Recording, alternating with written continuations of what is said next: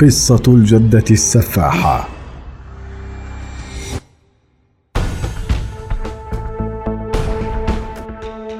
الجدة السفاحة هي تمارا سامسونوفا التي قبض عليها وهي تبلغ الثامنة والستين من العمر والتي اعترفت بقتل عشرة أشخاص وعاشت معظم عمرها في مدينة بطرسبرغ في روسيا.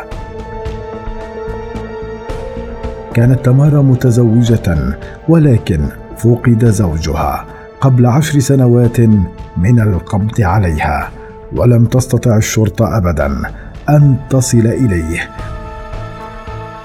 وفي أحد أشرطة المراقبة ظهرت تمارا وهي تحمل حقيبة ثقيلة للغاية ولا تكاد تستطيع حملها.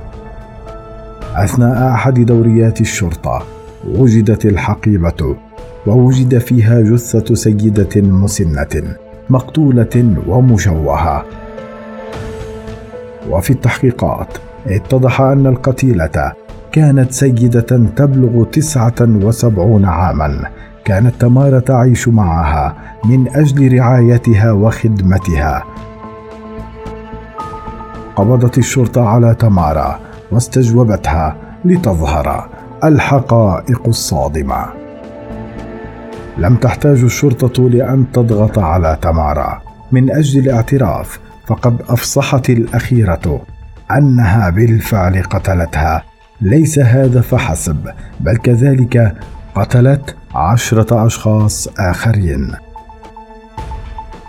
اعترفت أنها كانت تستدرج الضحايا ومن ثم تقوم بذبحهم وبعدها تقطيع أطرافهم وفصل الرأس عن الجسد. اشتبهت الشرطة في تمارا أن تكون ليست فقط سفاحة بل أيضا من آكلي لحوم البشر حيث أن الأدلة التي وجدتها الشرطة في منزلها كانت صادمة. فقد وجدت الشرطة سكينا مدميا وكذلك بقايا أشلاء بعض الجثث ومذكرة اعتادت تمارا على تدوين بيانات ضحاياها فيها وكتابا للتعاويذ والسحر الأسود.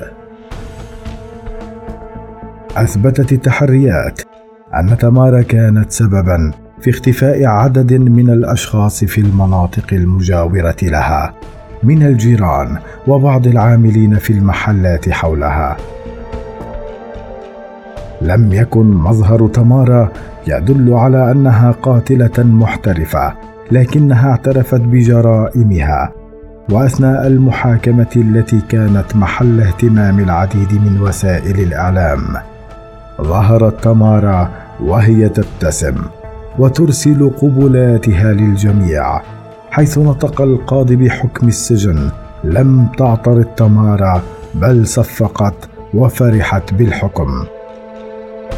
حين سئلت تمارا عن سر رد فعلها الغريب قالت أنه لا يوجد لديها أي مكان لتعيش فيه ولا يوجد أحد ليرعاها ويهتم بها وبالتالي هي سعيدة لأنها ستعيش في السجن وأن الحكومة ستهتم بها ولدى موتها ستدفنها الحكومة بالتأكيد.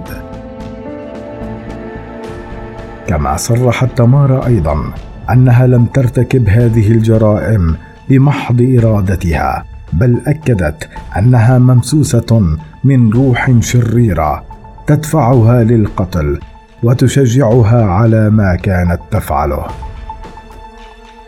وبعد القبض على تمارا وإثبات التهم عليها تعاطف الناس مع ضحاياها وبدأوا يضعون ورودا على روح القتلى أمام شقتها.